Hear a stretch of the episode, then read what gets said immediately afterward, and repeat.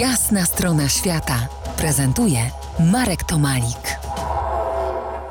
Po jasnej stronie świata Henryk Wolski, żeglarz, podróżnik, uczestnik wielu wypraw na wielu morzach i wszystkich oceanach świata. Z tego co wiem, wierny słuchacz RMF Classic. Potwierdzasz?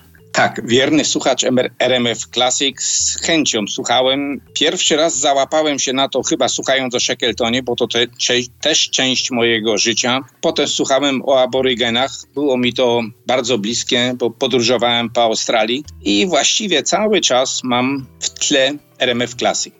Rozmawiamy dziś o czasach pirackich na Bałtyku w wiekach średnich. To jest między wiekami X a XII a XIII. Kim byli wspomniani w pierwszej części naszej rozmowy chąśnicy, słowiańscy chąśnicy? Skąd się wzięli i dlaczego tak mało o nich wiemy? Ja myślę, że to jest trochę nasza cecha narodowa, że wiemy przede wszystkim o wikingach, a mniej wiemy o chąśnikach. To jest jedna przyczyna. Druga przyczyna, zdecydowanie mniej pisze się o chąśnikach. Nie dokonali takich wyczynów jak wikingowie, nie zasiedlali nowych lądów, nie podróżowali do nawet na Morze Śródziemne czy do Ameryki Północnej. Byli miejscowi, mieli na pewno odrobinę mniejsze łodzie. Sądzi się, że do 20 metrów nie były im inne potrzebne. Ale widomym dowodem, że byli czynni jest to, że wybrzeże Bałtyku nie było zasiedlone przez wikingów obcych, tylko właśnie byli nasi, którzy z pewnością skutecznie odpierali ich ataki. Dwa osiedla były tylko wikińskie tu. Mało tego, osiedle Jomsborg było blisko słowiańskiej Winety. Mówi się, że to był jakby garnizon Winety,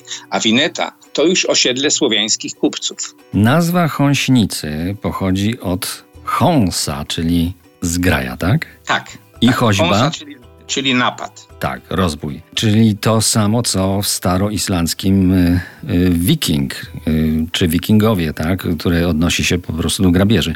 Mamy tu więc do czynienia z janosikowaniem, y, tyle że nie w górach, a na wodzie, na Morzu Bałtyckim, ale to chyba niejednoznaczne, bo tam handel w tamtych czasach był pokrewny rozbojowi.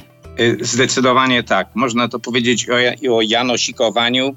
Przy czym mówi się, że Janosik zabierał bogatym, rozdawał biednym. Tego nie wiadomo o chąśnikach, ale oni też żyli w pewnym środowisku i na pewno musieli się dzielić ze swoimi. Ja czytałem, że Bolesław Chrobry blisko współpracował z osadą Jonsborg, tą osadą wikingów. I siostra Bolesława Chrobrego była zresztą wydana za Świętosława, za króla szwedzkiego. Czyli jeżeli nam się wydaje, że za czasów Bolesława Chrobrego to byliśmy państewkiem oderwanym od północnych sąsiadów, to to jest nieprawda. My mieliśmy normalną politykę z Danią, ze Szwecją, z tymi królami. Władcy wymieniali się córkami, synami, znaczy w związki małżeńskie wchodzili.